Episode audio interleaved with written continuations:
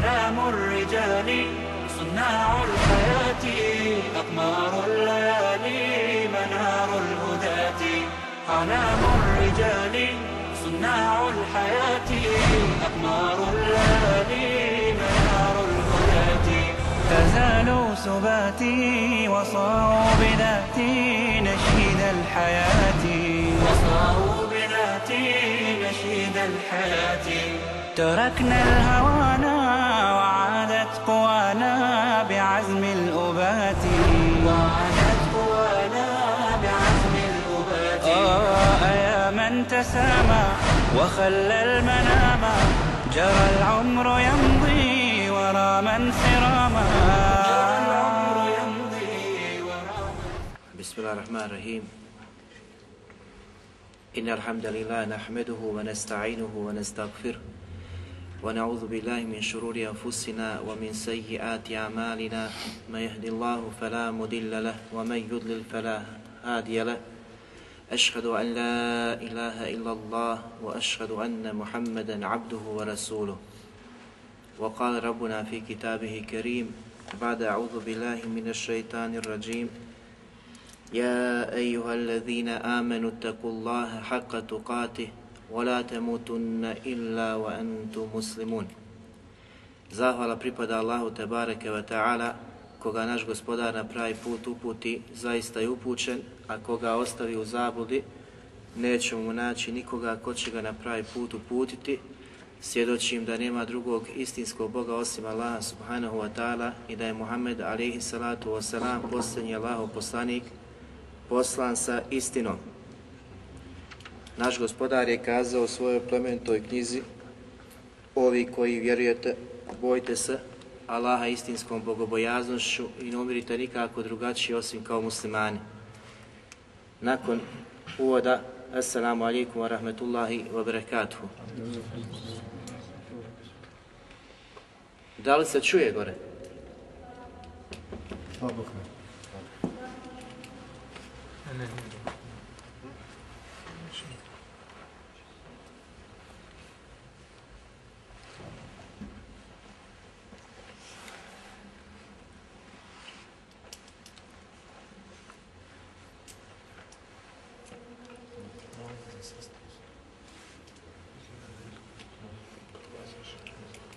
Da li se sada čuje?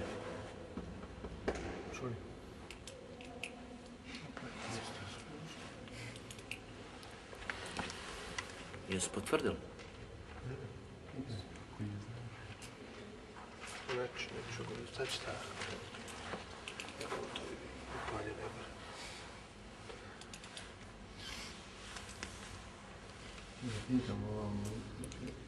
Čujete li sada?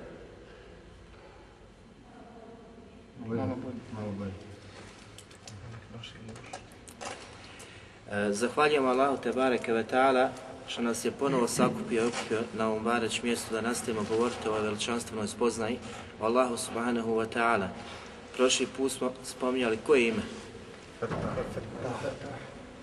El Fettah. Večeras ako Bog da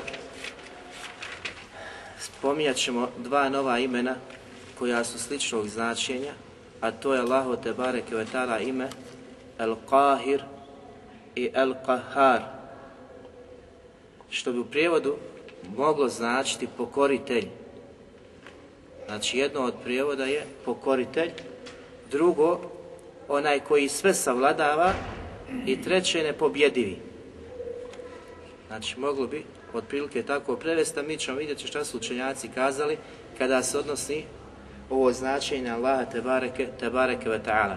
Međutim u jeziku, u jeziku značenje je poznato da ima znači pobijediti, pobijediti nekoga, savladati nekoga ili drugo ukrotiti ili podčiniti. A mi ćemo vidjeti kada se odnosi na Allaha subhanahu wa ta'ala kako ima ovo značenje. Allah subhanahu wa ta'ala, Allahu te bareke ve ta'ala ime kojim se opisao El Qahir, u Kur'anu je spomenuo na dva mjesta, dok ovo drugo El Qahar spominje na šest mjesta. I ono je jačeg značenja od imena El Qahir. znači jačeg je značenja i to je večenca od tog, od tog imena. Allah subhanahu wa ta'ala u suri Al-An'am spominje na dva mjesta ovo ime Al-Qahir, pa kaže وَهُوَ الْقَاهِرُ فَوْقَ ibadi Zaista je on pokoritelj iznad stvorenja, iznad svojih robova. وَهُوَ الْحَكِيمُ الْحَبِيرُ A on, te bareke ve ta'ala, je El Hakim, mudri i o svemu obavješteni. El Habir. Sestre su postale, ne čuje se nikako.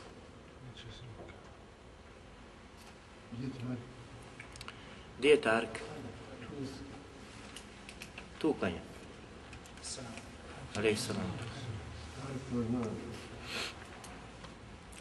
Neko od vas pravio prije? Mimo Tarka.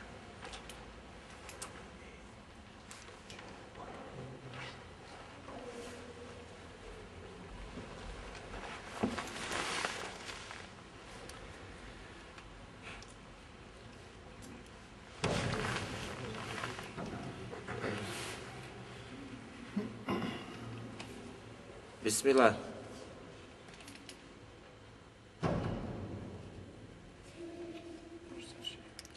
Da li se sada čuje? Dobro. Znači Allah te bareke ova dva imena Al-Qahir i Al-Qahar spominje u Kur'anu, znači ovo prvo ime Al-Qahir na dva mjesta, Al-Qahar na šest mjesta.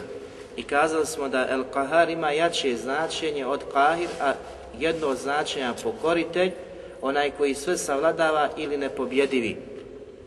To je Allah te bareke, te bareke ve ta'ala. I spomenuli smo da u suri Al-An'am Allah Đelešanu spominje ova dva, dva znači mjesta, dva puta, ime Al-Qahir, a to je na, u 18. ajetu i 61. ajetu.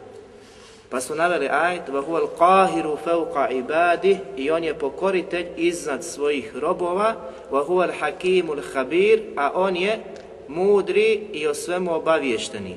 A na drugom mjestu Allah šan kaže وَهُوَ الْقَاهِرُ فَوْقَ عِبَادِهِ Ponovo potvrđuje da je on pokoritelj iznad svih svojih robova, svih svojih stvorenja. I vidjet ćemo ta značenja koji jako ima mnogo kada se odnose na Allaha te bareke ve taala ova imena. Zatim ovo jače značenje, Al-Qahar, se spominja šest mjesta. Neka od ti je sura Ra'ad, 16. ajet, i na drugom mjestu koje ćemo navesti je sura Gafir, 16. ajet. Allah subhanahu wa ta'ala kaže Kulillahu haliku kulli šej, wa huval vahidul qahhar.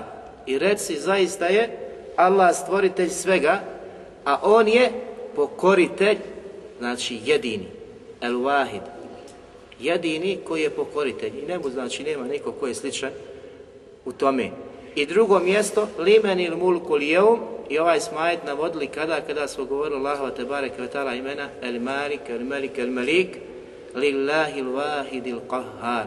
Kada gospodar svjetova na sudnjem danu, kada sve bude uništeno, kada bude upitao kome danas vlast pripada, tada neće postojati, znači niko, ko će biti u stanju odgovoriti i onda će gospodar svjetova sam odgovoriti na to pitanje koje je postavio Lillahi l-wahidil qahhar Danas vlast pripada gospodaru Allahu jednom koji je pokoritelj svega.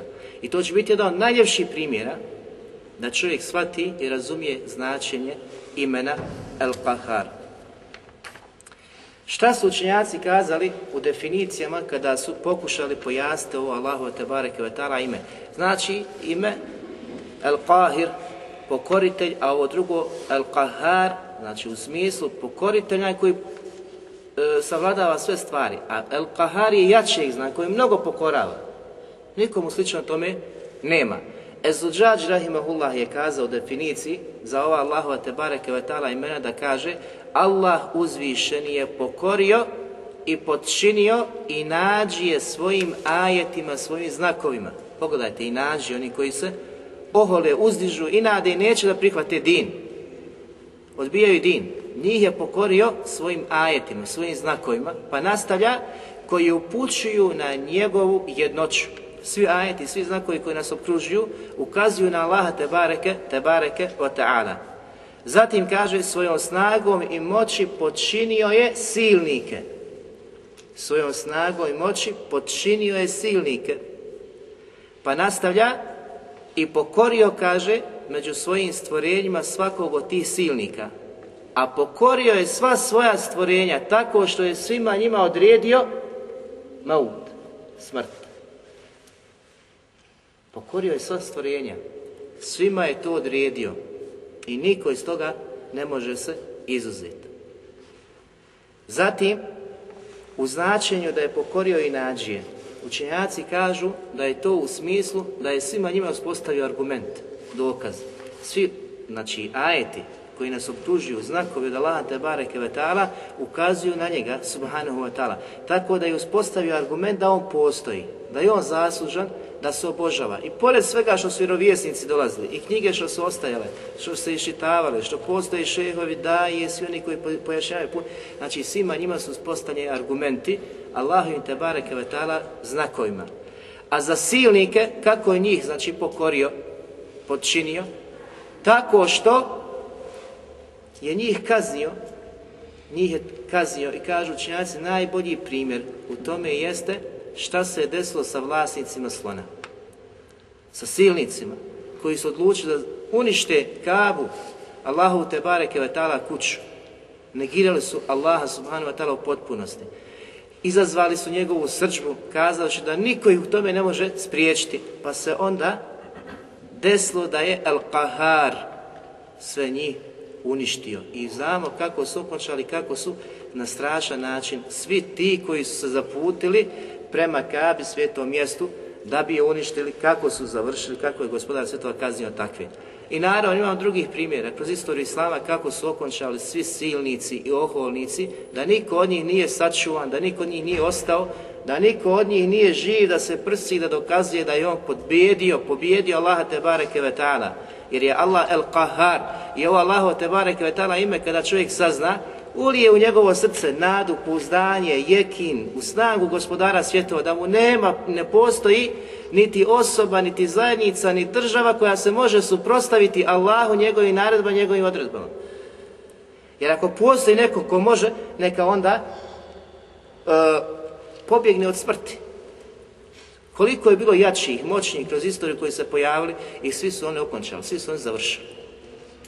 Jer Allah te bareke vetala ne dozvoljava znači nikom da je vječan, da vječno živi, da vječno traje, da vječno svoju silu prosipa nad nejakim i nedužnim, potlačenim narodima i zajednicama, nego gospodar svjetova svoje odluke donosi i sprovodi kako on subhanahu wa ta'ala hoće, jer njegov sud niko ne može, niko ne može odbiti. El-Huleymi rahimahullah za ime El-Qahir kaže da je ima značenje onaj koji određuje svojim stvorenjima onaj koji određuje svojim stvorenjima ono što on želi da se desi. U tome niko ne učestvuje. Allah te barek kada nešto odredi, to je iz njegove potpune mudrosti. I navešemo jedan primjer, a mi smo govorili o Allahovom kadaru, odredbi, određenju, mnogo kroz ova predavanja. Zatim kaže, poput teškoće, poput tereta, poput teškoće, poput tereta, ko određuje to? Ko je to propisao? Ko je to odredio? Ko je to spustio? Allah subhanahu wa ta'ala, el qahar. Ti si ahi taj koji to trpiš, podnosiš. A gospodar te bare kvetala je tebe iskušao, tebe je odredio, tebi je to učinio. ne samo tebi. Inači i vjernici, i nevjernici, svi ulaze, svi ulaze u Allahu te bare kvetala odredbu. I dobro i zlo. Zatim kaže, žalosti i preokupacije i žalosti i preokupacije, znači koliko čovjek danas tuguje, koliko žali, koliko ljudi voljenih se uzima, umire, Allah te bare kvetala oduzima od njih, a preokupacija i hemova, problema, čovjek znači misma koliko je preokupiran, koliko podnosi sve to, to je Allah te bare kvetala odredio, el kahar, i ne možeš se oduprijeti tome. Otkloni samo sebe to, ne daću, ne možeš. Nisu u stanju. Zatim posle toga kaže, on je taj koji im oduzima život ili dijelove tijela. Oduzima život kada hoće on subhanahu wa ta'ala. Ko može da se oduprije tome? Ko može to da otkloni od sebe? Ko može kazati ne, ja hoću da živim kada melek smrti dođe? Niko nije u stanju. Ko može spriječiti kada se obraća da se nešto što desi, Allah te bare koja tala odrijede, ostaneš invalid, ko može to spriječiti? Niko. El Kahar, pokoritelj, ono što odredi, to se mora desiti. Niko nije u stanju to da otkloni, otkloni od sebe. Zatim posle toga kaže i niko nije u mogućnosti da se tome suprostavi, niti je u stanju da izađe iz okvira Allahove subhanahu wa ta'ala odredbe. Što je on odlučio, što je odredio, to će se desi. U to nema sumnje i sve što se dešava, sve što nas zadesi, sve od Allaha te bareke. Čovjek nekada može dokučiti mudrost toga, djelimičnu, ali nije u stanju dokučiti potpunu mudrost Allaha te bareke zašto nas iskušava. Zašto se dešava? Zašto usmrćuje ljude koji su oko nas, koji su bliz, bliski nama?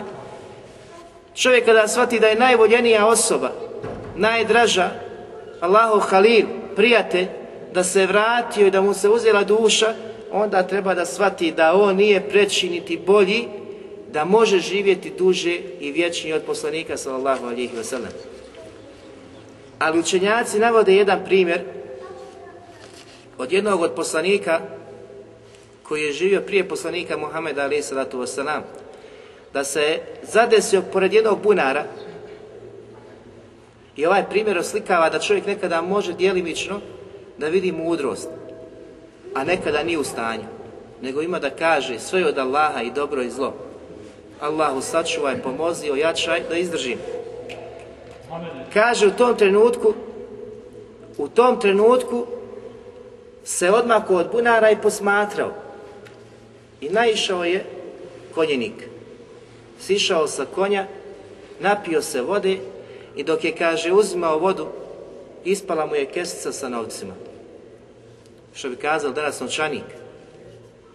Uzjahao je konja i otišao. Pogledaj taj primjer. Kad je otišao je. Nakon toga, kaže, dolazi pastir sa stadom ovaca. Napaja stoku, ovce. On isto tako pije vode. Uzme tu kesu s novcima. Alhamdulillah, da se kesa. I kaže, odlazi iz tog mjesta. Posle, kaže, malo vremena, poslanik taj jedan od vjerovjesnika stoji, posmatra iz daljine. Kaže, nakon toga dolazi starac, iscrpljen, izmoren, željan, da se napije vode žedan. Kaže, napio se vode i onda u hlad, sjeo malo da se odmori. Star malo, starac, čovjek. Kaže, u tom trenutku tamo negdje konjenik već skonto da je izgubio pare. Gdje je, šta je, zna da je bio pored bunara. I vrati se na to mjesto, vrati se na to mjesto i zatekne starca. Skače za konja, vrati mi pare, ti si mu uzeo pare, napada ga čovjek, ne zna, nisam, kunije se, zaklinje se da on nije. On kaže, jesi, ti si bio tu, ti si uzeo novac, znači počeo ga koriti, grti, starac i dalje tvrdi da nije. I na kraju ništa drugo nije preostalo kod njega da ga ubije. Ubio ga. I kaže poslanik taj koji je posmatrao Allahu dragi, pa čovjek ništa nije uradio. A ti si mu odredio smrt. Nije kriv. Šta je uradio da ga on ubije? Pogledajte, mislim, kad čovjek sad promisli o tom primjeru, danas će da puno stvari razumije. Kaže, pa je zamolio gospodara svjetovan da mu pojasni to. Znači, vidio je ko je uzeo, ko je otišao, zašto je dozvolio. Znači, on određuje, Allah te bare kvetala, njegov kadr se odvija, odredba, predodređenje, čvrsto vjerujem u to. Kaže, što se tiče, kaže, onog čobana, koji je došao i uzeo pare. To su, kaže, novci bilo od njegovog oca, čije je pokrao i oduzeo konjenik koji je došao tu. I nikad mu nije vratio u toku života. Pa smo mi, kaže, odredila se to desi kako bi mu vratili ono što mu pripada kao nasljednik, znači oca, od imetka. A kaže onaj čovjek, starac koji je ubijen, on je nekad davno ubio oca konjenika. A momak koji je bio konjenik je zavjetovao se da će tražiti čitav život čovjeka koji mu je ubio oca da se osvijeti, ali nije znao. I desilo se to što se desilo, da Allah Đelšanu propisao kisas, odmazdu, da se sve na jednom mjestu to izdešava, a da čovjek koji sa strane posmatra kaže, Bože dragi, kako nepravdu činiš na bila, znači takvim riječima da opiše, da se ubije. Tako da kažu učenjaci, da iz ovog primjera nekada čovjek može da shvati, da razumije djelimično Allahov hikmet, ali ne u potpunosti. I ovo nije znači važeći za svako ko sa strada, on je neko, nekom pokrao, ubio, znači ostao. Nego znači da čovjek shvati da razumije. Tako da navode danas za ljude koji, na primjer, saobraćajna nesreća se desi posebno u državama gdje ima kisas, Saudije. Čovjek kada ubije nekoga, jel, odmah mora da ima odmazdu za to ili da prati krvarinu. Ali nekad čovjek pobjegne sa lica mjesta. Pa nakon toga kažu drugi, zgazi drugog čovjeka, pa optuže njega, pa njega zatvore i njega objese, njega ubiju. A drugi kažu, subhala, kako su ga na pravdi Boga ubili. A kažu, sude šarijatom. Kažu možda iz Allahovog hikmeta, da je nekad davno, ko što se je potvrdio, ubio nekog i pobjegao. Nije ostao, znači da se preda, policija se prepusti. Pa poslije drugi neko isto tako radio, samo su optužili krivo, kao u smislu tog, ali on odgovarao za onog prvog. Za onog prvog. Tako da u svemu kaže, u svim tim postupcima ima Allaho te barek vetala mudrost. Mudrost, a mi ćemo raditi Allaho te barek vetala ime hakim. Tako da možemo djelimično da shvatimo i razumijemo što je Hulemi Rahimahullah kazao po pitanju imena El Kahar. Zatim, Isto, znači, Hulemi govori za El Kahar da je on taj koji u svakoj situaciji savladava i pokorava, a nema stanja niti situacije da on nije u stanju, znači, da savlada, da savlada nekoga.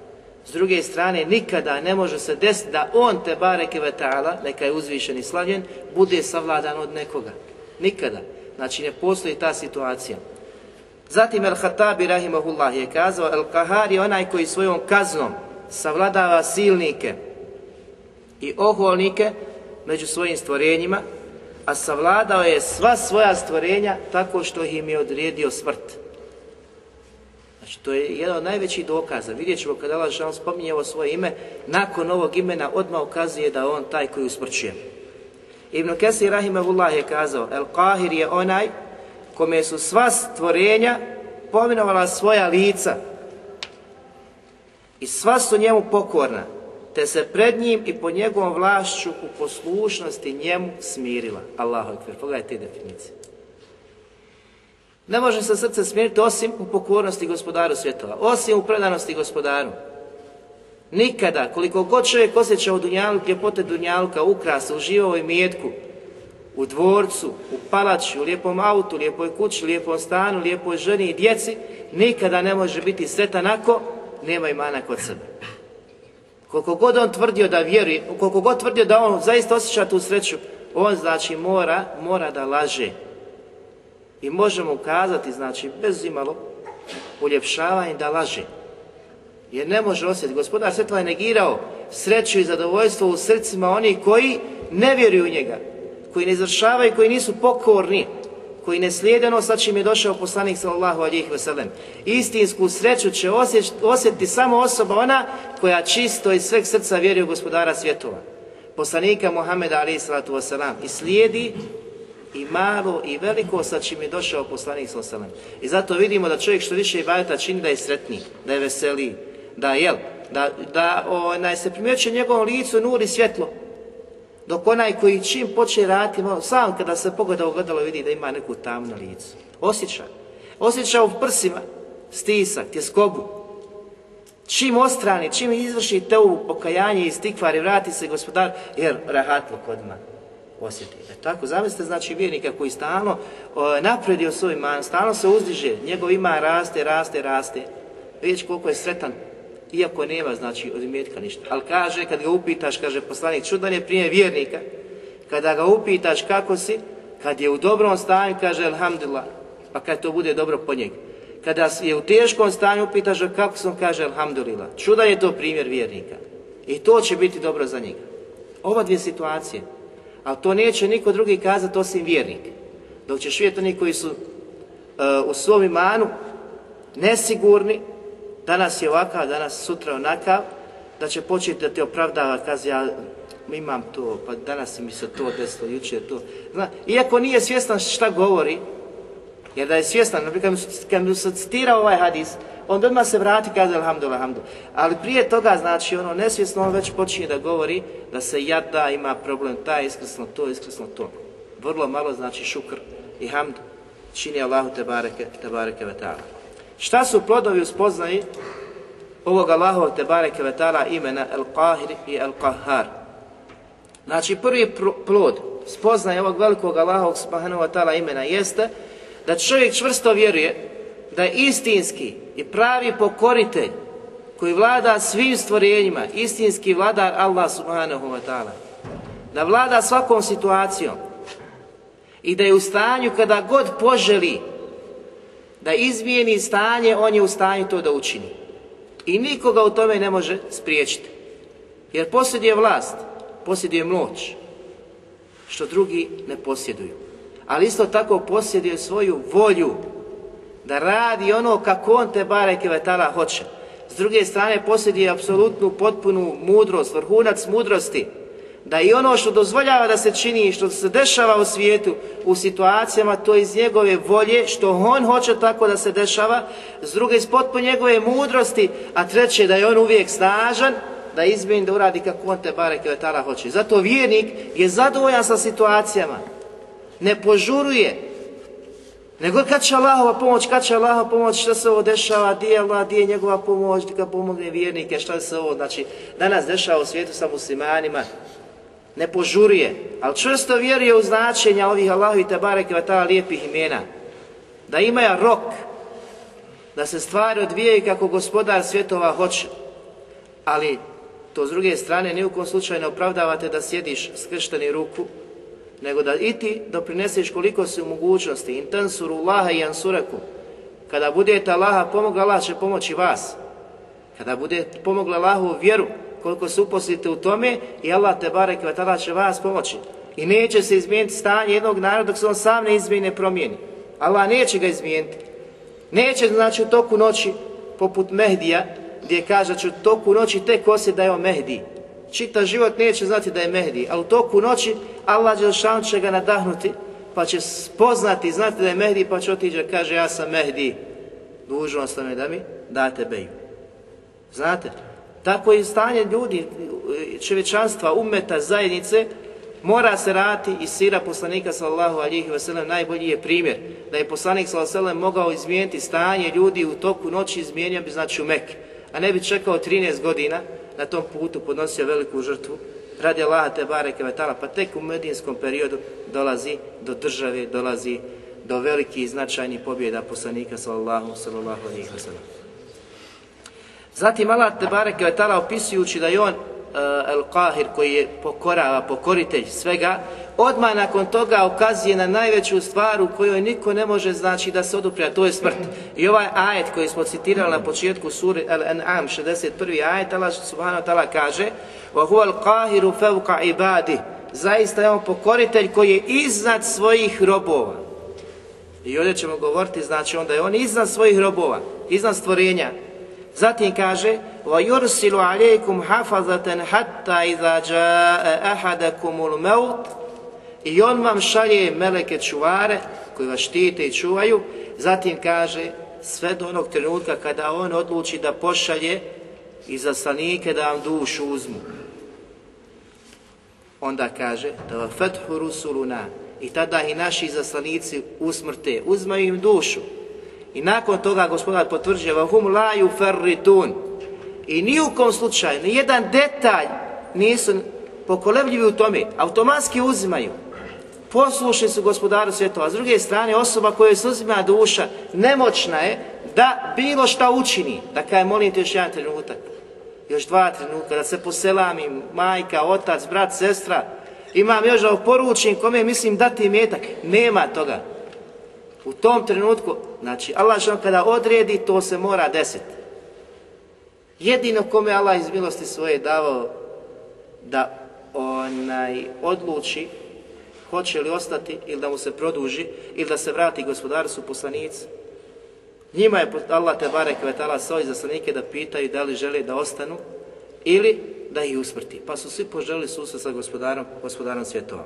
Zatim gospodar nastavlja u 62. ajetu sure Al-An'am Thumma ruddu ila Allahi maulahumul haq Zatim ćete se vratiti svi posle uzmanja duše svi ćete se vratiti svome Allahu koji je gospodar istiniti.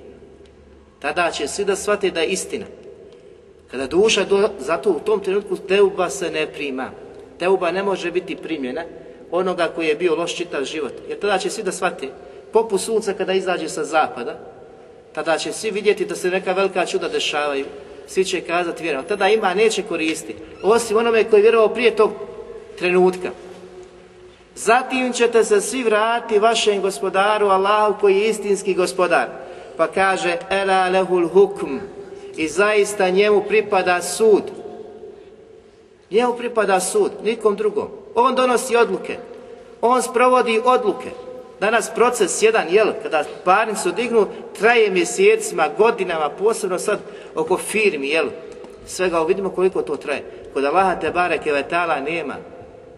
Njemu pripada vlast i sud, pa kaže nakon toga vahuva esraul hasibin. A on najbrže obračun sprovodi. Nema ga ko može brže to. Odluka kada se donese, odmah se sprovodi. Danas odluka pa štela, jedna, druga, treća, pa se malo rastigne. Nikad u zatvor čovjek da ode. Iako je najveći kriminalac. Gospodar svjetova, a njemu pripada najuzvišeniji primjer. Njegova su svojstva uzvišena i veličanstvena. Znači njemu sud pripada, njemu odluka pripada, a kada on hoće odluku da sprovede, kada on hoće da presudi, on je najbrži u tome. I niko ne može, znači, biti sličan gospodaru Tebareke, Tebareke Vata'ala. Zatim od drugi primjera gdje čovjek ne može se oduprijeti Allahove Tebareke Vata'ala odredbi, jer je on al-Qahar, pokoritelj, jesu bolesti. A i kada si bolestan, možeš to da spriječiš. Možeš da kažeš, e, neću da budem bolestan. Nijukom slučaju nemaš ni dijelića bolje u tome. Ni te pita, hoćeš biti bolestan, neš biti bolestan. Nedača kada ti se spusti, koju Allah te barek vetala odredio, nema ga niti postoji u umetu, u čovječanstvu neko ko može to da, da otkloni od tebe. Osim Allahovom voljom, njegovim određenjem, on što je odredio. Zatim ove katastrofe koje vidimo danas koje se dešavaju. Sve je to Allahovom voljom da ukaže da je pokoritelj. A i bujica kada se desi, potop, poplava, bilo koje vrste tsunami, ko može to da spriječi? Koliko god oni pokušali da otkriju kada bi se moglo nešto desiti nisu u stanju. Japan je danas primjer, jel? Koliko su god imali uređaja za otkrivanje, za nagovještaje, za nekoliko sati, dana, mjeseci, što se desi to i to, došlo iznenada. Iznenada je došlo. Od Allaha te bareke od koji je al-kahar, pokoritelj, on kad odredi to se dešava i niko nije u stanju to da, da otkloni. Allah subhanahu wa ta'ala opisuje stanje sudnjeg dana pa kaže jeume hum barizun. I tog dana kada svi izađu kada svi stanu pred gospodara svjetova pa nastavlja pa kaže la jahfar Allahi minhum šej. Allahu te bareke ništa neće biti skriveno od njihovih postupaka, njihovih dijela, sve što su radili, tog dana Allah Đelešanuhu će znati o njima. Ne da će znati tek tog dana, on zna, međutim, znači sve što su ljudi činili, čovečanstvo, kada proživljeni budu i dođu pri gospodara Allah te barek vetala već posjedi znanje o njima šta su radili, šta su učinili. Nakon toga kaže limen ili mulku lijeum, kome je danas vlast pripada, pa sam odgovara nakon toga lillahi l-wahidil kahar. Zaista vlast danas pripada jedinom Allahu subhanahu wa ta'ala koji je al-kahar, pokoritelj svih stvorenja, svega postojećeg. Ovdje se postavlja pitanje, brate, ljudi kada budu proživljeni, pa zatim mala gospodara svjetova, svjetova upita ali imen il mulku il jeum, kome danas vlast pripada, gdje će tog trenutka biti vjerovjesnici? Gdje će tog trenutka biti poslanici? Gdje će biti dobri ljudi? Gdje će biti dobročinitelji?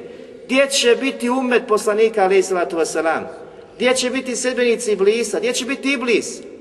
Gdje će biti najodabranija stvorenja Allaha te barek meleci koji su najbliži? Gdje će biti? Allah Đelšanu prije toga šta je učinio? Usmrtio je stanovnike nebesa, stanovnike zemlje. Mi smo to govorili detaljno u imenu Malik. Sve je usmrtio. Niko nije ostao. Ostao je gospodar svjetova gdje kaže za sebe Kullu mene alejha fan Sve što je na Dunjaluku, sve što je u svijetu stvaranja stvoreno, sve ima svoj rok i sve će nestati. Niko ne ostaje. Zatim izuzima samo sebe gospodar svjetova ovdje pa kaže وَيَبْقَا وَجْهُ رَبِّكَ i ostaće samo plemenito lice tvoga gospodara koje traje, koje ne nestaje, od uvijek i zauvijek. Svojstvo gospodara svjetova. Zatim kaže Zul Dželali velikram, veličanstveni i plemeniti. Znači, taj gospodar će ostati, sve ostalo mimo njega će biti usmrčeno, mrtvo. I zato će pitati kome je danas vas pripada. I pogledajte kako završava nakon toga. Znači, ajet završava da će pripasti vlast jednom Allahu koji je El Kahar, pokoritelj. Pokorio nebesa, pokorio stanovnike nebesa, e, zemlju, stanovnike zemlje, sve, nosioce arša, te noćne, snažne meleke. Svima je dušu uzeo. I samo meleku smrt, najdobraniji meleku Džebrailu, Mikailu, Israfilu, svima je dušu uzeo. Sve je usmrtio. Ostao sam on. Zato Ajša radi Allah pita, u hadisku je bilježi ima Mahmed, Še Albani kada je vjerodostojna, a isto drivajeti imaju drugi, gdje je samo završica slična u, u, u, u muslimovoj zbirci, u Buharinoj, Tirmiziju i ostalim. Hadis je vjerodostojan, da je upitala o Allahov poslaniče kad Allah odredi i zamijeni nebesa i zemlju drugom zemljom, kada svi budu stali pred gospodara jednog jedinog al-kahar, opisuje go hadisu, gdje će, kaže, tada ljudi biti? Gdje će se biti okupljeni, gdje će biti sakupljeni? Pa kaže, ala sirat, bit će, kaže, sirat šupri. Most koji je iznad Džehennema. Svi će biti tu. A zamislite su vam tog stanja, kako će biti. Ali pokorite, sve je pokorio. Danas je dao život, dao iskušenje, dao ti, da li ćeš biti dobar, da li ćeš biti loš da odabereš, dao ti volju, izbor. Ako glavu okreneš i on će glavu okrenuti od tebe. Neće te gledati pogledom milosti. Neće ti se smilovati. Na kraju vječna kuća. Ali ako budeš od onih koji su sretni, koji se da zovu pozivu Allaha te bareke vetala i uživaju, tog dana će i biti uz poslanika sallallahu alihi wasallam. La haufun alihi. Neće biti straha za njih za takve. A za sve druge će biti izuzetan velik, velik strah. Zatim Allah Đelešanu ima u plemenitu osobinu i svoje veliko ime, El Qahir, El Qahar, pokoritelj svega. Međutim, ta osobina, kada se odnosi na stvorenja, da ti možeš da pokoravaš druge, da savladavaš druge, da si moćan iza drugi, da silu sprovodiš na drugima, da li je to pozitivno po pitanju stvorenja? U većini slučajeva nije. Znači u većini slučajeva nije. Ali je dobra znači za one koji su fatihun u osvajanju u džihadu i sličnim znači situacijama. Kad je pozitivno i treba da čovjek ima tu osobinu. Znači pri sebi. Ali u drugim slučajevima nikada nije znači ona pohvalna da je ima pojedinac ko sebe. Jer ona u većini slučajeva ukazuje da onaj koji ima to osili se, postane tiranin nad nemoćnim, slabim, uzvisuje se, uzdiže se, oholi se iza njih, tako da u tom slučaju nikada nije dozvoljeno. Iako znači u džihadu takvih situacija to su plemenite osobine za vojskovođe, za svakog pojedinca, tada treba da bude neustrašiv, nepobjediv, koliko je god mogućnost. Međutim, osobina čovjeka, stvorenja je daleko, znači različite osobine stvoritelja koji je podario tu osobinu. Jer Allah te barek vetala pripadaju methelul a'la, njemu pripadaju najuzvišenije osobine, najuzvišenija svojstva i u tome nema sličnosti sa osobinama, sa osobinama stvorenja. Vidimo primjer faraona, da je on uzeo tu osobinu sebi i ona je bila znači pokuđena i nije pohvalna po pitanju njega. Šta je kazao? Kale sa naktulu abna'ahum wa nastahyi nisa'ahum wa inna fawqahum qahirun. Koristi Va inna fawqahum qahirun. Ubit ćemo im svu mušku djecu, a poštedit ćemo im, kaže, žensku djecu, odnosno žene njihove. A kad zaista smo mi iznad njih, oni pravi pokoritelj. Pogledajte kako je se osilio. Qahirun. Opisao sebe i sve one koji su bili uz njega da su takvi. Zatim, Allah Đelešanu kada ukazuje na Jeđuđa i Međuđa, prije svega nagovje- nagovještaje u Kur'an da će se pojaviti, ali će imati osobinu istu takvu, da će pokušati da pokore i zem, znači zemaljsku kuglu, stanovnike zemlje, pa će se toliko uzoholiti kako je došlo u hadisu poslanika sa sve da će pokušati da osvoje i da savladaju stanovnike nebesa. Allah Đelešanu kaže Hatta iza futihat je'đuđu wa me'đuđu wa hum min kulli hadabin jansilun i kada se otvori prolaz za jeđuđa i međuđa, on će se sa svih brda početi u skupinama velikim silaziti. Allah Đelešanu opisuje njih. Znači, nagovještaj, veliki preznak sudnjeg dana će se to desiti. Kada? Allah Đelešanu zna. Ali veliki preznak sudnjeg dana i neće se desiti prije pojave koga? Deđala. Neće se desiti prije pojave koga? Isa, sada kaže ljudi pojavio se jeđuđ među negdje u svijetu. Kažeš, lažeš. Zbog čega? To što se nije pojavio ni Deđal, niti se pojavio Isa, ali i salatu wasalam. I uvijek tako, znači čovjek kada gleda, kada zna redoslijed velikih preznaka, kada neko kaže nešto, pojavio se Deđal, kažeš, lažeš. Zbog čega? Zato što se nije pojavio ko? Mehdi. Mora znati da je Mehdi jedan od malih preznaka sudnjeg dana, ali će on biti pojavljen prije nego što dođe ko? Prije što dođe Deđal, a kada se pojavi Mehdi, bit će velike, znači, borbe gdje muslimani neće gubiti, danas muslimani gubi na svim, na svim, znači, ratištima, da Allah Žešan popravi i promijeni stanje muslimana. Znači, poslanik sallahu alihi vseleme u hadisu pojašnjava, pa ukazuje kada se oni pojave šta će raditi, veliki će nered praviti. Ali nama dokaz ovdje, ovaj e, glagol koji se koristi da će oni pokušati pokoriti stanovnike nebesa i zemlje. Pa će kazati, nakon kada ljudi pobjegnu, Isa a.s. kada se povuče u brde sa e, sredbenicima, odnosno pravinskim vjernicima, oni će tada kazati, kada vidi nema kuda im se onaj suprostavlja, kazat će riječima fajakurune kaharna men fil ardi wa alevna men fis.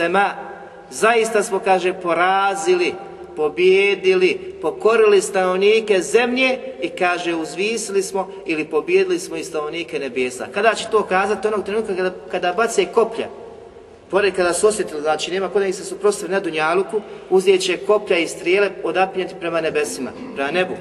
Pa će se koplja i strijele vraćati, kakve one strelice, krvave, pa će pomisliti da su pobjedili stanovnike nebesa u tom trenutku. Pogledaj, onda će se još više uzići. Allah Đelešanu, pa kako će ih uspretiti svojom? Njegove moći.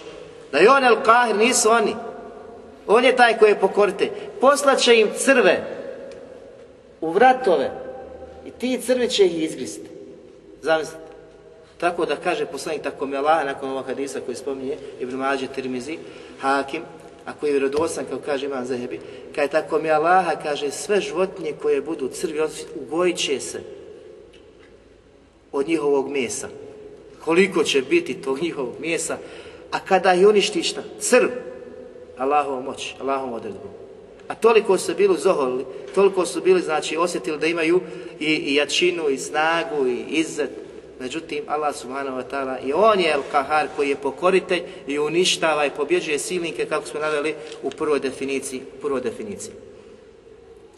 Zatim, onaj koji pozna Allahovo te bareke ime El-Kahar, da je on pokoritelj, u većini slučajeva istinski, znači ko spozna, on se vraća Allahu, traži od Allaha, E, to on povećava iman, spoznaju Allah njegove moći, snazi, veličini, da mu se niko ne može oduprijeti, da je on taj koji pokorava sve. I onda osjeća i slast robovanja takvom gospodaru koji je tako uzvišen, tako velik, tako moćan. A s druge strane, u istom trenutku ne dozvoljava da bude oku- okićen sa ovom osobinom koja nije pohvalna da se nađe kod stvorenja. Pa je u istom momentu blag prema drugima. Da želi drugima na najljepši način da predstavi, da pozove, oprašta, prelazi preko njihovih uvrijeda, sabura na tome i slično. Allah Đelešanu kaže u surat Duha فَأَمَّا الْيَتِيمَ فَلَا تَقْهَرْ Koristi ovaj izraz. A kaže, nemoj slučajno je da je tima da se, uh, kako bi to najljepše kazano, nemoj slučajno da se uzdižeš iznad jetima. Nemoj da se siliš nad jetimom. Suprotno tom značenju, budi blag prema njemu. Izvršaj njegove potrebe. Budi mu na usluzi. Sve što traži ti, budi taj koji će pomoći je timu.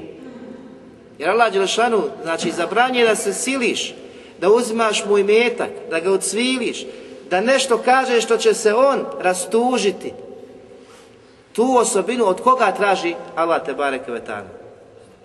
Od poslanika sallallahu alejhi A nama je naređeno da slijedimo koga? Da slijedimo poslanika sallallahu alejhi I najljepši uzor je u poslaniku sallallahu alejhi ve Pa pogledajmo kako se je poslanik obhodio prema njima. A zašto se ovdje pokazuje znači jetim? Jetim nema zaštitnika, nema oca, nema nekoga ko će stati prije kažeš zašto to činiš? Nego njegov zaštitnik Allah te bareke vetala. A pazi se kako će se obhoditi prema njemu. Jer iznad njega, iznad tebe je Allah gospodar svjetova. Pazi kako budeš radio, jer kako budeš radio tako će ti se vratiti. A onaj koji ti bude uzvraćao udarac je gospodar svjetova. I zato imamo one osobine spletkarenja, da Allah jemkurune ve jemkurullah oni spletkare, a i Allah spletkari. Ali je vallahu hajrun makirin. A Allah najbolje to umije. Znači kada neko pokuša da spletkari prema gospodaru, prema poslaniku, prema vjeri, prema vjernicima, nek se pripazi da ima neko iznad njega. A ko je iznad svega toga? Fauqa ibadi, al qahar, pokoritelj koji iznad svih stvorenja.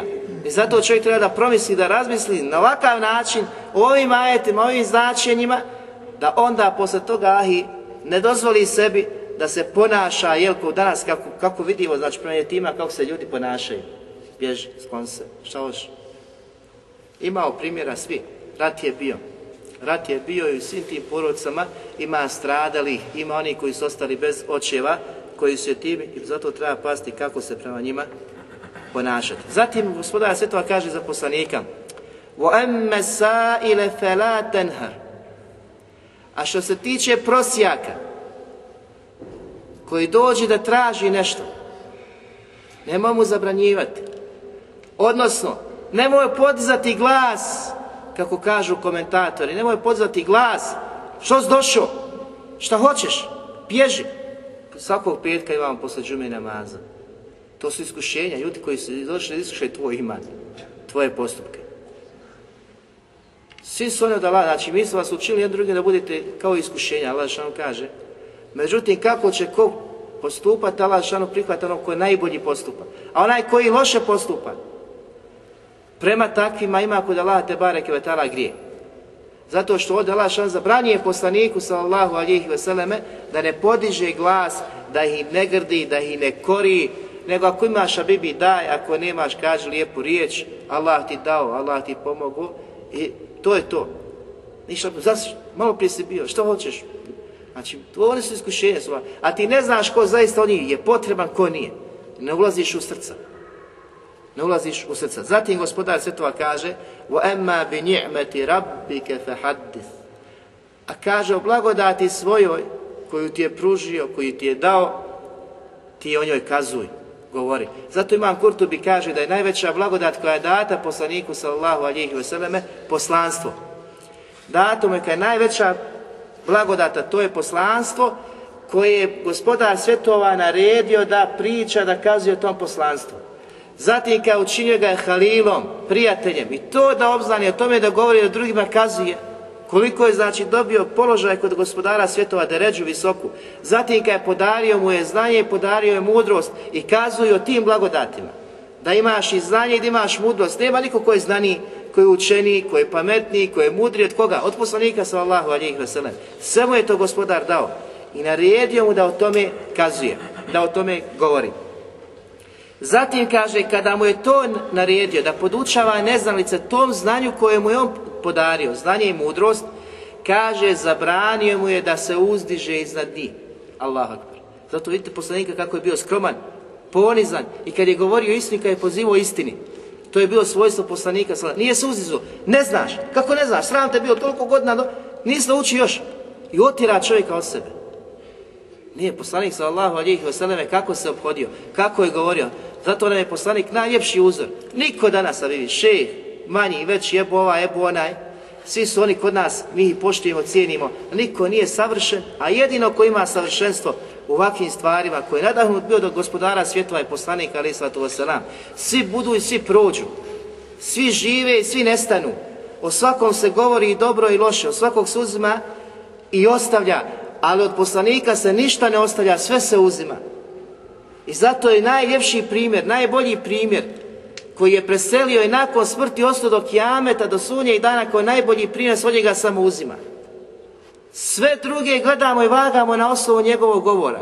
Sve što se poklopi od svih šehova, svih dajija, svi oni koji pozivaju, svi koji komentarišu, pojašavaju vjeru, sve što im se složi sa Kur'anom i sunnetom, podudari s poslanikovom praksom, to se prihvata. Što se ne prihvati, odbija. Ima mali kaže, i on daje pravilo, od svakog se uzima, od svakog se odbija, osim pokazavši rukom na kabur poslanika sallallahu alihi wasallam. Zato ljudi ne mogu se doći do nekome da je dobar dok ne preseli na onome na čemu je bio dobar. Kad preseli ka maša, živio je zato i preselio je na tom.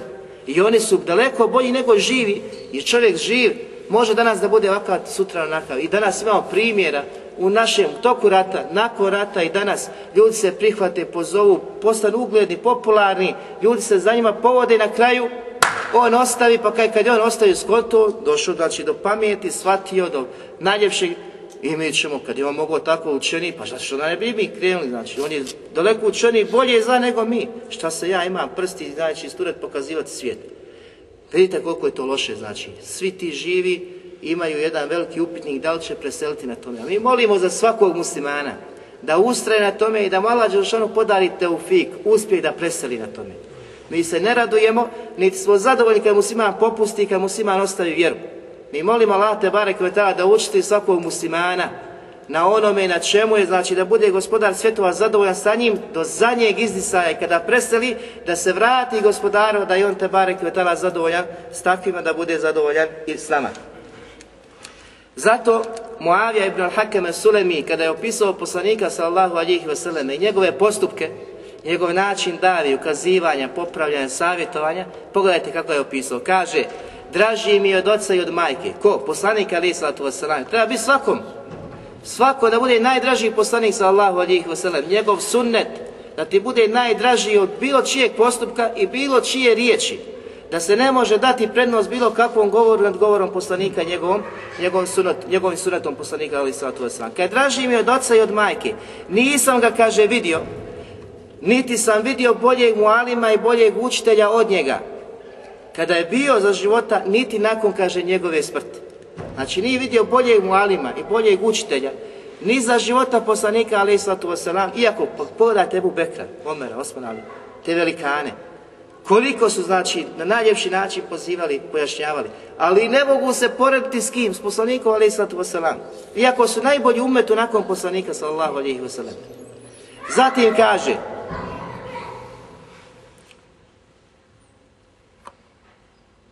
Nikada, kaže, nisam vidio da me kori. Da me, kaže, povrijedio. Da me je uvrijedio. Nikada, kaže a niti sam vidio, kaže, neko bolje podučava i na ljepše ukazuje na ono što treba da te postaviti od poslanika Ali Islatu Wasalam. Znači, poslanik Wasalam, kad nikad se nije namrštio na njega, da namršti svoje lice prilikom kada ga je korio. Govori, znači, Asa poslanika Ali Islatu Wasalam, nikad to nije vidio.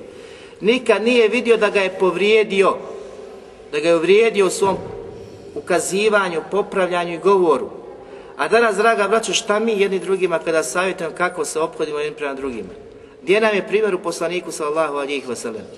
Kako korimo, kako ukazujemo i kako popravljamo situaciju? I kako dostavljamo? Poslanik namrštenog lica nikad im nije to dostavljao. Nikad. Zatim najljepše je to dostavljao. I treće, kada je dostavljao, nije vrijeđao. Nezalice džahilu jedan kako ne zna što. Gdje si bio toliko godina? Danas, nažalost, to slušamo, to vidimo, to primjećujemo. I niko nije gotovo sačuvan toga. Osim kome je salate bare koje tada smilo. Ali su rijetki takvi.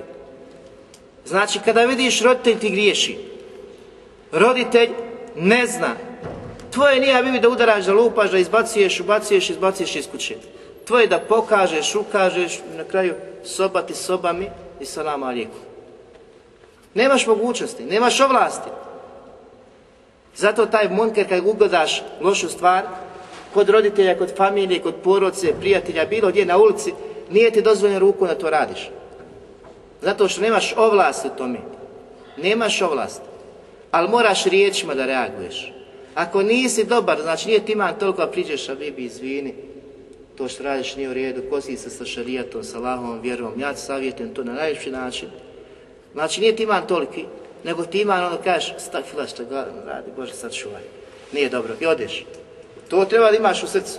Ali da nemaš to u srcu, banke se svaki dan otvaraju, koji su ratu protiv Allaha, kafići i ostalo, da nemaš u srcu mržnju prema tome, da ti je teško što se to otvara, što se zavode ljudi odovde na stramputicu, onda ti upitan iman.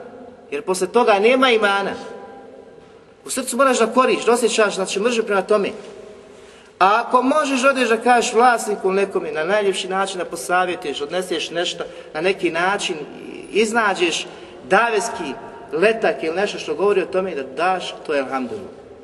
Nemaš to, nisi na toj mrtebi imana, na tom e, stepenu, zatim mahi moraš imati u srcu prijezir prema tome. Ne smiješ proći, da budeš ravnodušan prema svem onome što se dešava od fesada i razvrata. I to čovjek treba da shvati. Ali nije u mogućnosti da ode da digne, da razvali, da prebije, da ubije, da nanese povrede tjelesne i fizičke. To nije. I to mu nije dozvoljeno. To mu nije dozvoljeno. Znači, iako u šarijetu postoji, ko vidi od vas munker, neka ga promijeni rukom. Ovo rukom je za one koji imaju izvršnu vlast. Ljudi koji upravljaju državom, halife, emiri, šarijatska policija, znači koji ima ovlasti u tome, a ne znači svaki pojedinac pa bi onda nastao fesad. Svako vidi nešto rukom lupa nekoga i šta bi onda nastalo? Svaki motiv. Ne, ovo se treba da shvati da razumije onako kako su razumijeli učenjaci, učenjaci koji nam najljepše pojašavaju propise. I odnosi se isto tako za oca u kući. Ne možeš kazati, hoće sine, nema prisile u vjeru. Ti si glavni u kući. Ti si glavni u kući. Haram, haram. Nema harama. Iza tebe nema. Ti si glavni u kući, ti si znači mesul koji će biti pitan pred Allahom te bareke za sebe, za ženu, za djecu, za sve. I ti sprovodiš šarijat. Niko te ne pita za državu. Možeš biti onaj prijesednik, ne biti prijesednik, što da radiš u ulici, kvart. Da radi u svojoj kući.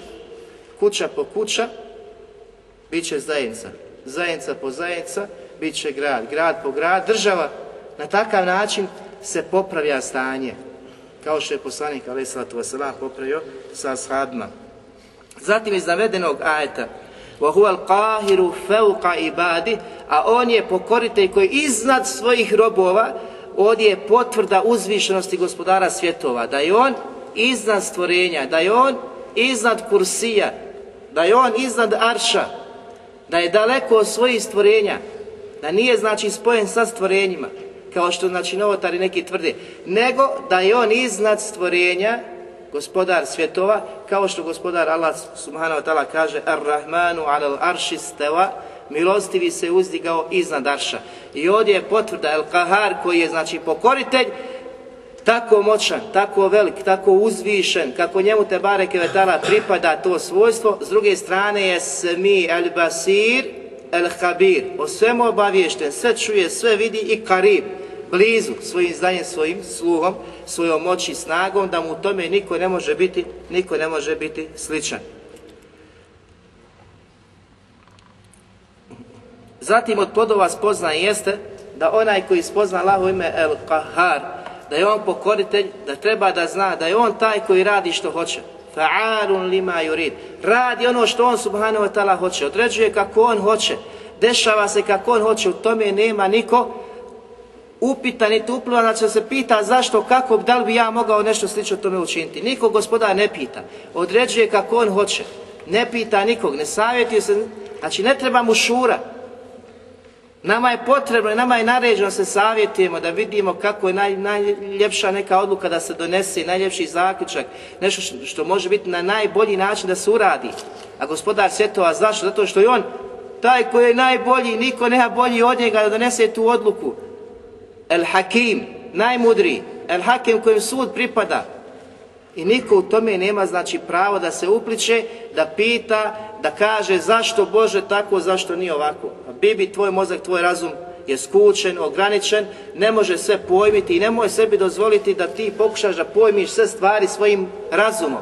Oni koji su pokušali da pojmi gospodara svjetova razumom, njegove osobine razumom, ova dešavanja razumom, oni su zalutali. A onaj ko se je prepustio Allahovoj volji, koji je povjerovao Allaha te bareke i priznao da je on el hakim, najmudriji u postupcima, el kahar pokoritelj, el alim, el sami, el basir, el latif i sva druga imena, da pripiše gospodaru svjetova takav je spokojan, takav je rahat, zna da sve što se dešava, dešava se isključivo na najsavršeniji način, da ne može biti bolje od ovoga, jer onaj koji je planirao, koji je odredio je gospodar svjetova, koji je El Alim, sveznajući o svemu što je bilo, što će biti, kada ne bi bilo, kada bi bilo, kako će biti, o svemu zna. I odredio je to na najsavršeniji, najbolji način. I zato kažemo da je Allah te barek tada e, slavljen i veličanstven kao takav, kao takav gospodar koji je zaslužan da bude obožavan. Zatim iz ovog imena proizilazi drugo, a to da takav gospodar koji je al-kahar, koji je pokoritelj, koji je snažan, jak i moćan, on jedini zaslužuje kao takav da mu se i bade čini. Zašto su lažna božanstva ukorena? Zašto njima nije pripisano svojstvo božanstva, znači božanstvenosti da mogu biti obožavana?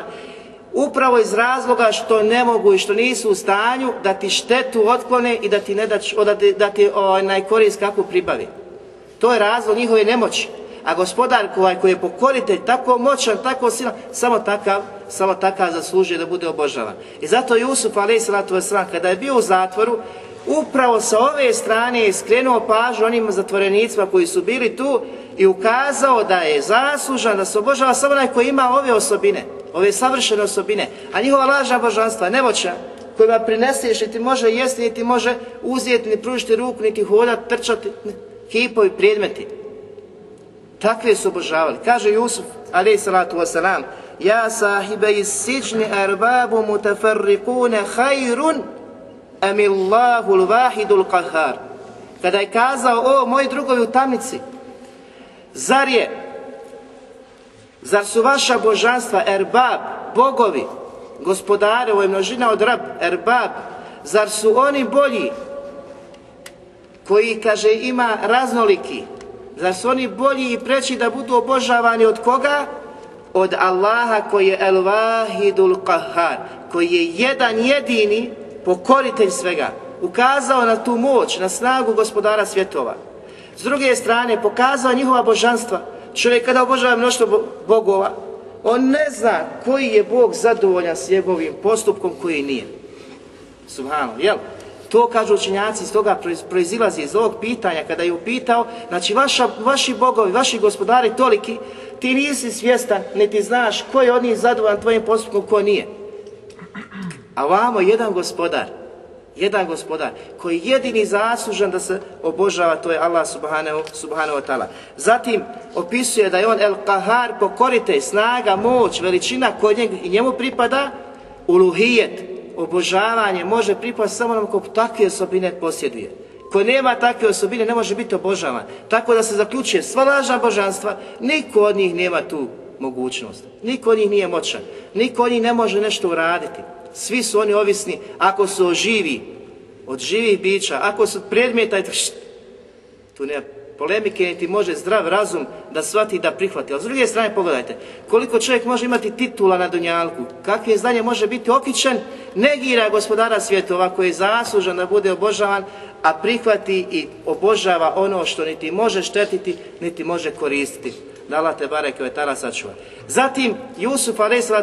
opisuje i kaže vi samo pripisujete ima vaša imena, znači opisujete i božanstvom i to mogu imati, opis u imenu ali da to ime sadrži te osobine koje su za gospodara svjetova nijekom slučaju nije istina. Pa kaže ma ta'budune min dunihi illa esma'an semmejtumuha entum aba'ukum anzalallahu biha min sultan. Vi ono što obožavate, to su samo, kaže, imena. Imena vaših božanstava lažnih kojima ste im dali, ta imena znači mogu ukazivati na veličinu, na snagu. Ali oni nisu ti koji posjeduju te osobine, zato smo kazali da gospodar Cvetova kada se opisao sa svim onim imenima, da svako ime, u pravilima smo spomenuli, svako ime posjeduje šta? Savršenu osobinu.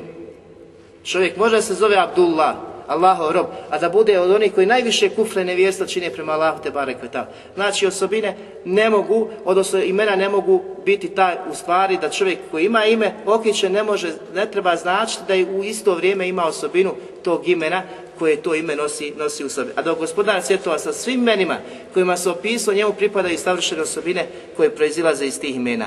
Zatim kaže, inil hukmu illa lillah, zaista sud pripada samo Allahu te bareke Presuda sud, Allah kada presudi to se mora prihvati, po tome treba treba i mora se raditi. Emere Allah ta'budu illa i ja. I on naređuje, gospodar svjetova, da se on samo obožava i niko drugi pored njega ne zaslužuje niko obožavanje. Ovo je ajet nakon onog prvog ajeta kojeg je Jusuf njima ukazao, znači na ništavnost njihovih božanstava, njihovih gospodara, znači u mnoštvu, gdje ukazuje da onaj koji zaslužuje jedini gospodar Allah te bareke koji je najpravedniji sudija, najodgovorniji od svih njih. Zatim kaže zalike dinul qayyim i to je najbolja vjera, najispravnija vjera. Nema bolje vjere od vjere islama sa kojim je došao poslanik, a i svi poslanici, jer Islam je isti Islamu lila, pokornost Allahu u svemu onome što je, on te bare kvetala objavio svim poslanicima prije, a i Muhammedu alaih sallatu wasalam.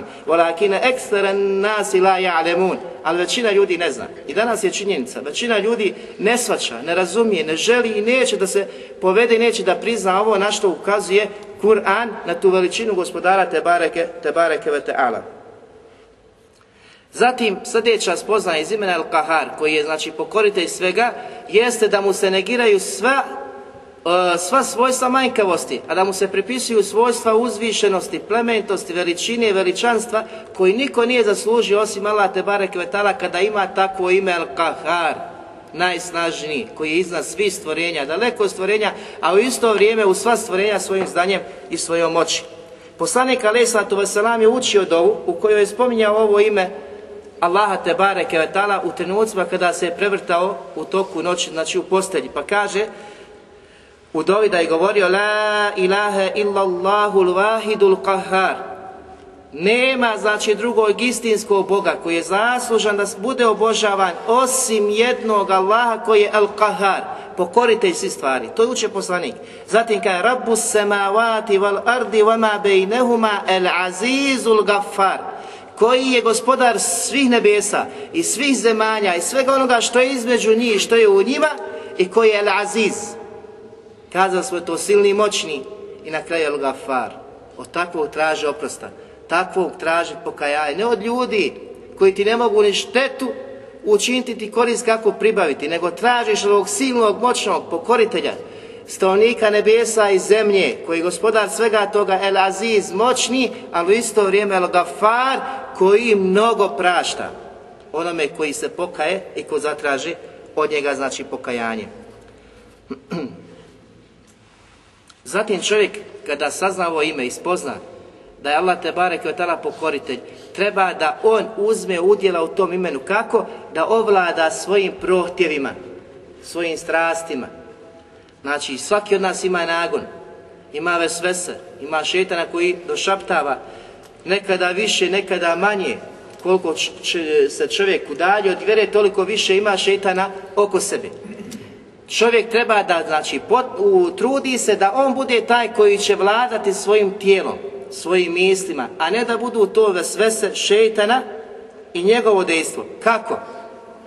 Prije svega učenjaci kažu tako što će puno govoriti i činiti teubu Allahu te bareke ve se kaje, da traži oprosta i stikvar od Allaha te bareke ve Čovjek koji se iskreno pokaje i čini stikvar Allah te bareke ve mu daje moć. Jer kaže poslanik, neće čovjek činiti uvijek e, melezime stikfar, ko bude znači često, stalno učio i stikfar, Allah će mu dati izlaz iz svake situacije. Znači koliko god čovjek bude potišten, koliko god bude teško, koliko god bude znači u teškoći, Allah Đelšan će mu dati izlaz onog trenutka kada mu se bude vraćao, te učinio i stikfar od Allaha te bareke tražio, oprost, za grijehe koje je činio. Čovjek nije znači taj koji ne čini, svaki od nas čini gri, neko manje, neko više, ali svi mi činimo. Zatim, učenjem euze utječe se i traži zaštitu od Allaha te bareke od koga? Od prokletog šetana. Nemoj jedan put da kažeš, govorio gdje god ideš. Sad na ulicu kad izađeš, a bibi, ko te dočekuje, ko, te, ko ti došapta, pogledaj, vidi, de, to, to, to, sve je to šetana. Utječi se i traži zaštitu od koga? Koji je El-Kahar, pokoritelj. Šta će šetan? Inne ide šeitani kane daifa. Zaista su spletke šetana slabe. I neke ide hunne. A spletke žena su azim, azima. Znači velike, krupne. Zato traži utočiš, u zaštu od Allah te bareke od od spletki šetana i spletki žena i svih tive svesa koji danas kako nam prilazi ljeto sve više i više će biti. Ne možeš proći, ne vidiš reklamu. Traži da late bare kvetala zaštitu, da te sačuva, da te sačuva i pogleda i svega onoga što nije u redu što se kosi sa šerijetom. Zatim, traženjem i traganjem za korisnim znanjem. Šta će ti to znači prouzrokovati? Kakva je to zašta? To ti je zašta, Habibi, zašta od šubhi. Od sumnji koji danas ima toliko da se ne može prebrojati, niti zamisliti, niti pomisliti. Učenjaci nas kažu da nije bilo više šubi kod danas u vjeri. Mnoštvo sekti, mnoštvo onih koji pozivaju, koji pojašnjavaju din i vjeru, a us, kad pogledaš u suštinu u njihovo stanje, svi imaju more šubhi. I ova šuba kada uđe u tvoje srce, teško ti je izbaciti. Teško ti je izbaciti. Jedno što je može izbaciti, što može pročiti i očistiti tvoje tijelo, jeste ispravno šarijasko znanje kako su ga shvatili selefi kako su ga shvatili ashabi, tabini koji su bili na njihovom putu. Do sudnjega dana, znači do današnjih dana, svi oni imaju senede, svi oni imaju lance do njih. Kako je ko uzimao znanje i kako se to znanje prenosi. I hvala Allahu, nikada vrijeme ne, znači ne postoji, niti se dešava situacija da u tom vremenu, u tom, znači, e, u, u, u tim trenucima ne postoji učenjaci koji su na onome na čemu je bio Allahov poslanik i asabi poslanika sallallahu alihi wasallam. Zatim kako se čovjek sačuva oholnika, silnika. To imamo u ajetima gdje Allah ukazuje kako čovjek se sačuva takvi. Danas koliko ih ima? Od vladara, nepravedni Od, kodeš na bilo kakvo mjesto gdje neko ima vlast i ovlast i čim te ne gotivi, čim te ne voli, on pokušava spletkari. Kako se sačuvati takvi? Kaže Allah Đelešanuhu, opisujući stanje faraona, وقال الملأ من قوم فرعون تذر موسى وقومه ليفسدوا في الأرض ويذرك وآلهتك Kada su kazali oni koji su bili velikani u faraonovom umetu, koji su bili uz njega, velikani njegovi, kada ćeš dozvoliti Zar ćeš dozvoliti da to čini Musa što čini i njegovi sljedbenici, da čine nered, fesad filar. Nazvali su Musa i njegove sljedbenike da oni čine fesad na zemlji. Razvrat, nered. A ko, ko čini nered na zemlji? Pa najveći nered je širku Allaha te bare kvetala. A šta je Faraon tvrdio? Tvrdio da je Bog neuzubila. Ne samo da čini šir da obožava nekog poredala, nego on da je Bog. Pozivao druge da njega obožavaju, da njemu robuju. A opisuje Musa, znači njegov velikan, opisuje Musa i sebenike Musa da on čine nered. Ko danas koga opisuje? U današnjem svijetu, čitavom svijetu i kod nas u Bosni, da su najveći oni koji čine nered i siju, nered i sumnju, upravo vjernici. Evo svaki dan to čuješ. I zato te ne vole, zato te ne goti, zato te ne mogu zato što si ti takav. A oni su uzeli osobine ovakvi od faraona i njegovi slični sljedbenika. Ali Allah Đelešanu kaže, kale, znači faraon šta je kazao kada su oni to posavjetili, kada su mu kazali zašto ih pušta što da čini. Pogledajte šta je on, kakvu je znači, odluku donio, poput danas što radi u svijetu. Istu. Kaže, kale se nukatilu ebnaehum nestahi nisaehum wa inna fevkahum kahirun. Zaista ćemo pobiti svu njihovu mušku djecu, žensku ili žene njihove ćemo ostaviti da budu žive u životu i onda kaže, ali smo mi, kaže, iznad njih. Mi smo iznad njih pokoritelji, oni koji imaju snagu i možda to čini. Danas mnogi su uzvisili nad muslimana i čine muslimanima ovo što radio faraon. Zatim kaže gospodar svjetova daje izlaz Musa'u. Kaže, kale Musa li qavmihi sta'inu billahi wasbiru. Musa, Allah daj njemu da to kaže, Reci, kaže narodu svom. Što da kaže Musa? Ista'inu billah. Oslonite se na Allaha. Uzmite taj tevekul istinski na gospodara svjetova. Nakon toga kad se osloniš, vas biru. Budite strpljivi. Te poteškoće ne da će to Allah odredio tako da bude. Ali ti budi strpljiv na tim poteškoćama i nedaćama. A prije toga tevekul. I nakon toga kaže Allah Đelešanuhu Innal arda lillahi yurithuha man yasha'u min ibadi Zaista je Allahova zemlja sva Allahova zemlja i on je daje u nasljeđe kome on hoće od svojih robova. I kaže val aqibetu lil muttaqin, a zaista je završnica za bogobojazne. Pogledajte, tri stvari na koje ukazuje, na koje ukazuju ovi kuranski ajeti koji ima problema sa silnicima i oholnicima. Prvo da se osloni na Allaha te bareke živog, vječnog, koji ne umire, to je gospodar svjetova, al-kahar, pokoritelj svega. Zatim da bude ustrajan, da sabura na poteškoćama koje ćemo naići.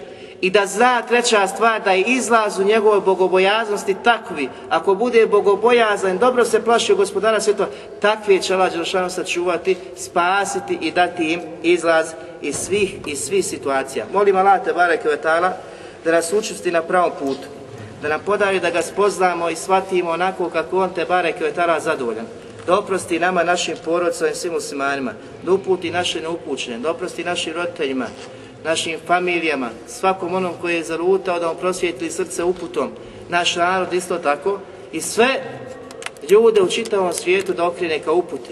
Molim Allah subhanahu wa ta'ala da naša srca zbliži na istini, na riječima La ilaha illallah Muhammadur Rasulullah. سبحانك اللهم وبحمدك أشهد أن لا إله إلا أنت أستغفرك وأتوب إليك جزاكم الله خير na tome što ste odazvali predavanje.